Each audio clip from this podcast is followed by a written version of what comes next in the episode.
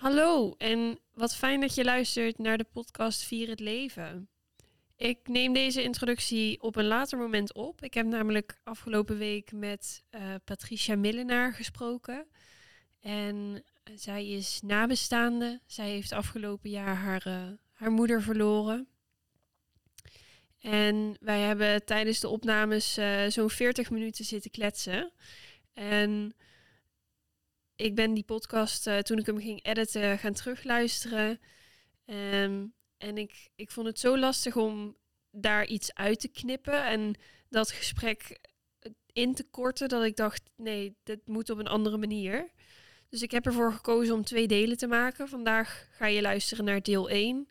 Daarin uh, gaan we het hebben over Patricia. Zij stelt zichzelf voor en zij vertelt over haar moeder over het ziektebed dat zij heeft gehad. Want uh, haar moeder is overleden veel te vroeg op 69-jarige leeftijd aan de ziekte kanker. Daar, uh, daar hebben we het voornamelijk over. En ja, hoe dat allemaal is verlopen, hoe dat voor hun was. Um, en uiteindelijk ook het moment van overlijden. Daar hebben we het eigenlijk voornamelijk over. En in deel 2 zullen we het dan voornamelijk hebben over de ja, wanneer ze met ons als uitvaartondernemer zijnde in contact kwam. Hoe dat allemaal is verlopen. En nou ja, ze hebben dat op een hele bijzondere manier gedaan. En totaal hoe zij dat zelf wilde. Dus um, nou, dat is allemaal in, uh, in deel 2. Voor nu wil ik je heel erg veel. Nou, plezier is niet het goede woord. Maar ik hoop dat je wat aan deze podcast hebt. Ik hoop dat je er een warm gevoel van krijgt. En dat je de podcast net zo waardevol vindt als dat ik hem vind. Dankjewel. Vandaag zit ik met Patricia. Hi. En ja, jij bent uh, bereid om, uh, om jouw verhaal met ons te delen vandaag. Ja, gaan we proberen in ieder geval. Ja, super fijn. Um, nou ja, ik denk dat we gewoon even bij het, uh, bij het begin moeten beginnen. Jezelf even introduceren. En dan gaan we gewoon van A tot Z het erover hebben. Verlies. Ja, ja. nou Patricia dus. Um, ik ben 48 jaar. Um, afgelopen jaar ben ik mijn moeder verloren. Na een uh, ziektebed van een jaar. Um, ja, wat valt er verder te vertellen? Nou ja, misschien kunnen we het even hebben over de, de aanloop. Echt het, het stukje voordat jij in contact kwam met ons. Mm -hmm jouw moeder was ziek, zei je. Ja. Um, jouw vader leeft nog. Ja. En nou ja, hoe, hoe hebben zij dat met z'n tweeën ervaren en hoe hebben jullie dat als kinderen ervaren, dat, dat, dat ziektebed, voordat het eigenlijk het moment van overlijden kwam? Um, ja, pittig natuurlijk, heftig. Maar ja. um, wij hoorden op een gegeven moment, uh, of ze kregen eigenlijk dus het nieuws dat het, uh, ja, dat het niet goed was in de longen. Ja. Um, longkanker en vrij snel erachteraan eigenlijk ook dat het uh, uitgezaaid was en dus niet te genezen, maar dat er wel behandelingen uh, opgestart konden worden in het ziekenhuis. Ja, om levensverlengend. Uh, levensverlengend en wellicht nog kijken of het met name in de longen nog zeg maar, een stukje teruggedrongen kon worden. Oké. Okay. Um, ja, daar ga je dan eigenlijk met z'n allen, gaat meteen eigenlijk de knop om en ga je dat gevecht aan. Mm. Ze was ook op dat moment nog hartstikke fit. Had eigenlijk amper klachten, behalve een kuchje en af en toe wat last van de schouders. Dus het, ja, het kwam nogal onwerkelijk binnen op dat moment. Ja. En uh, ja, misschien ook wel daarom, omdat ze zich eigenlijk niet ziek voelde, dat je ook gewoon dat stuk, ja, het dat meteen, besef. ja, en het ook meteen eigenlijk dat uh, de heftigheid van het nieuws, maar even, even aan de kant zet en gewoon keihard de strijd aangaat eigenlijk. Uh, Mm. dus, ja, in het ziekenhuis met elkaar. Ja.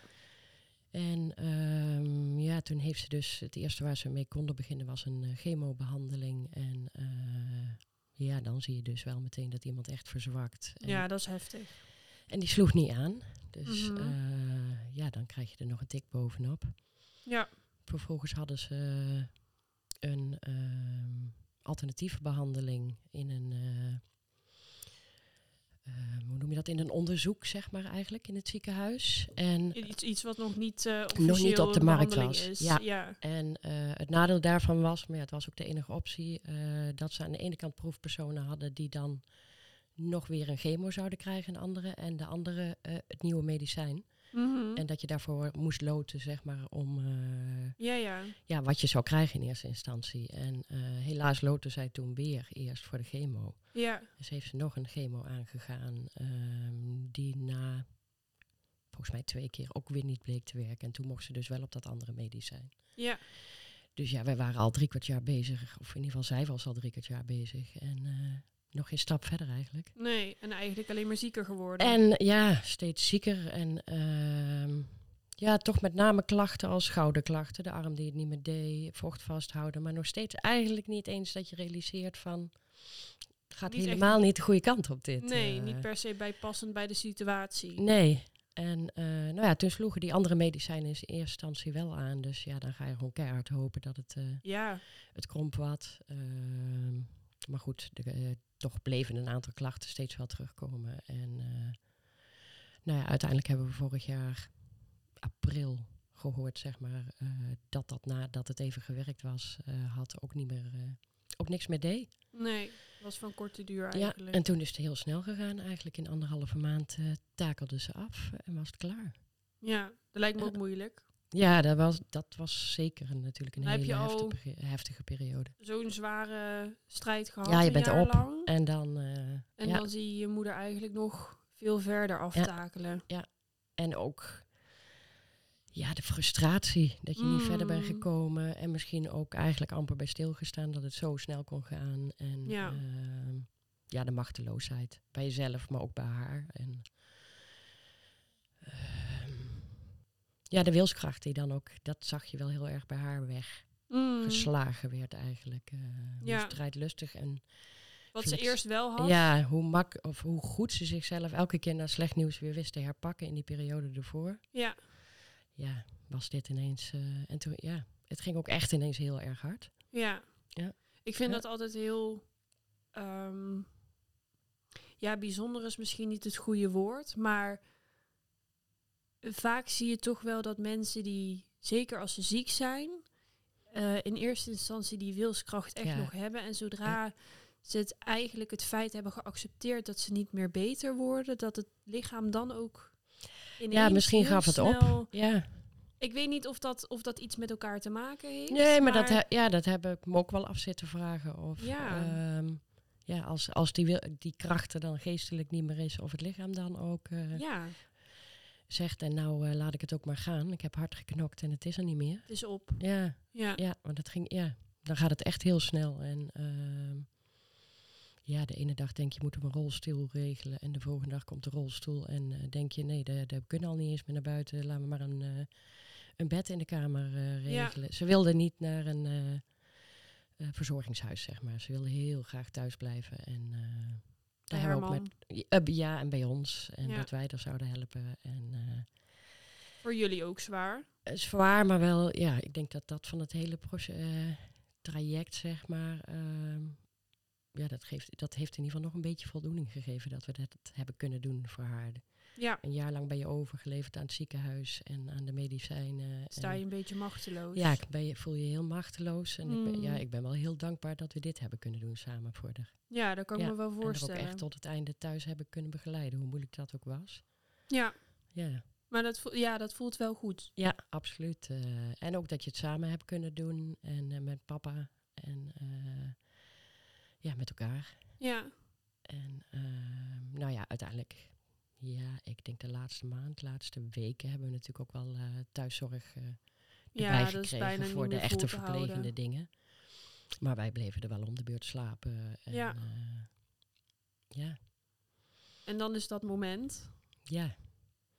Ja, de, la- de laatste week was het heel duidelijk dat het er wel aan zat te komen. Ja, Ehm, ergens, ja, je ziet er heel erg vermageren en steeds slechter worden. Dus je gunt er ook wel dat het, die rust. dat het een keer afgelopen is. Ja. Ehm, maar zij was er zelf gewoon echt nog niet aan toe. Ze was ook eigenlijk veel te jong. Ja, Ja. Wie is, iedereen is natuurlijk te jong, maar Ja, ehm, ja, zelfs aan het begin van die week kon ze het nog niet loslaten. En wilde ze niet, eh, niet gaan eigenlijk. En, eh, zo ja, typisch. ja, ja.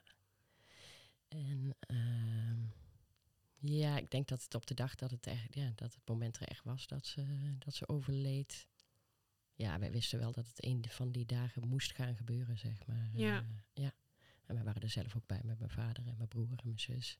Ja, Op het moment dat ze, dat ze ging. ja. En dat is super heftig natuurlijk, maar Wel een mooi moment Ja, dat je dat met z'n allen ja. hebt mogen meemaken. ja, ik kan me geen, eh, geen andere manier bedenken dan dat het eh, zo ging. Ja, En dat we er vast konden houden en dat ze niet alleen hoefden te gaan. nee.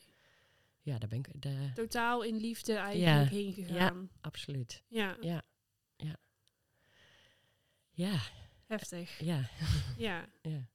Ehm, ik wil even een paar stapjes terug. Mhm. Want ehm, jouw ouders hebben eigenlijk zelf die keuze al enigszins gemaakt wat zij wilden. Mhm, Ja, Ehm, zij zijn ook eerder in contact gekomen met ons. Ja.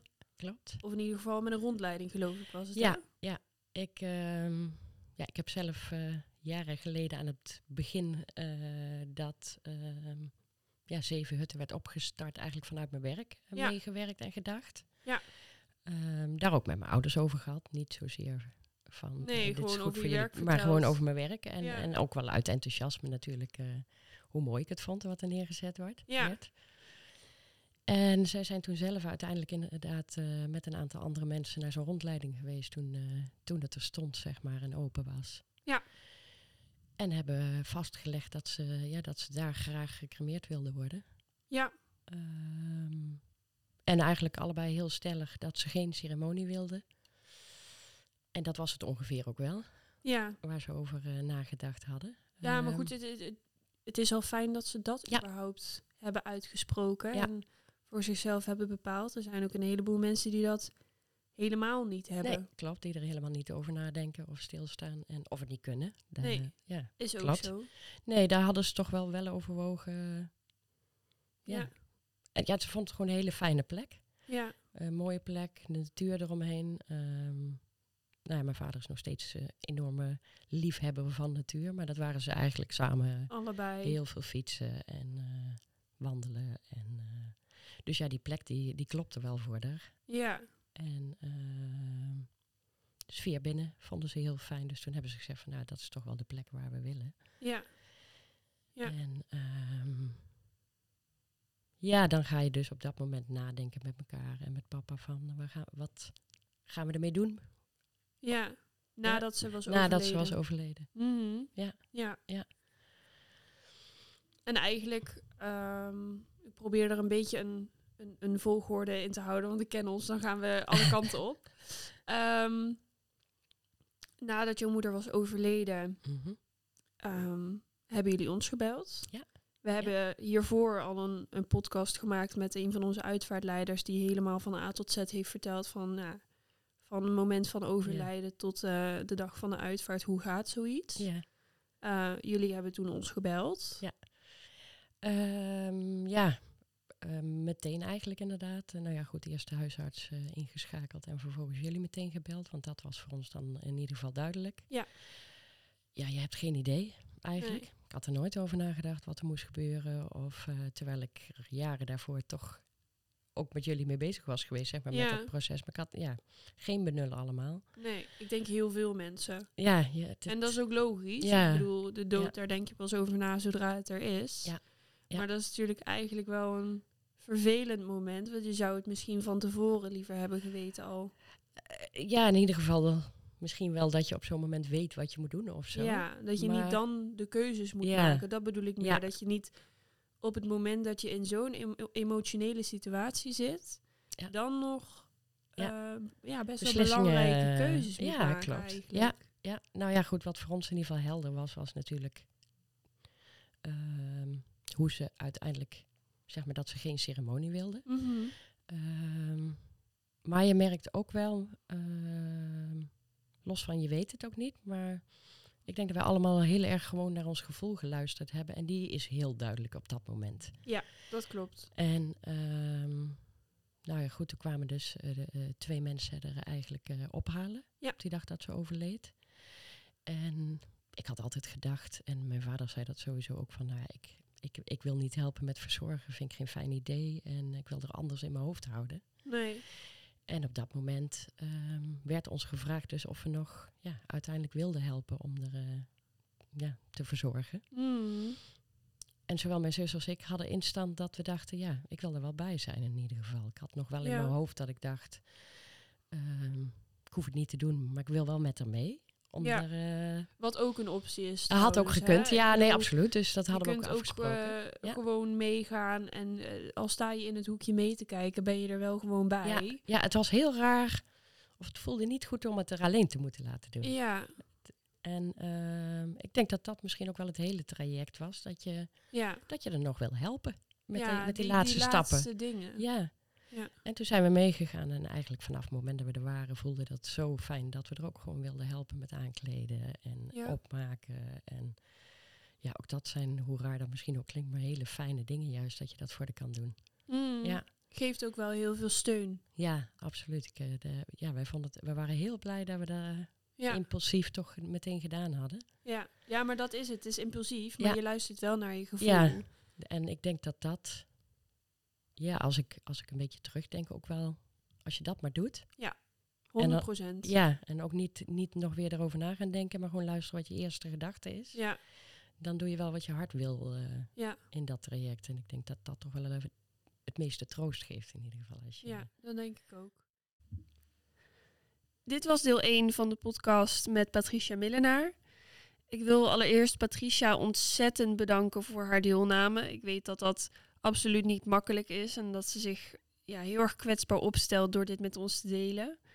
Dus eh, Patricia, super bedankt. En ik hoop dat jullie eh, deel 2 ook zullen luisteren, waarin we het voornamelijk gaan hebben over de uitvaart zelf. Dus dankjewel voor het luisteren en graag tot de volgende keer.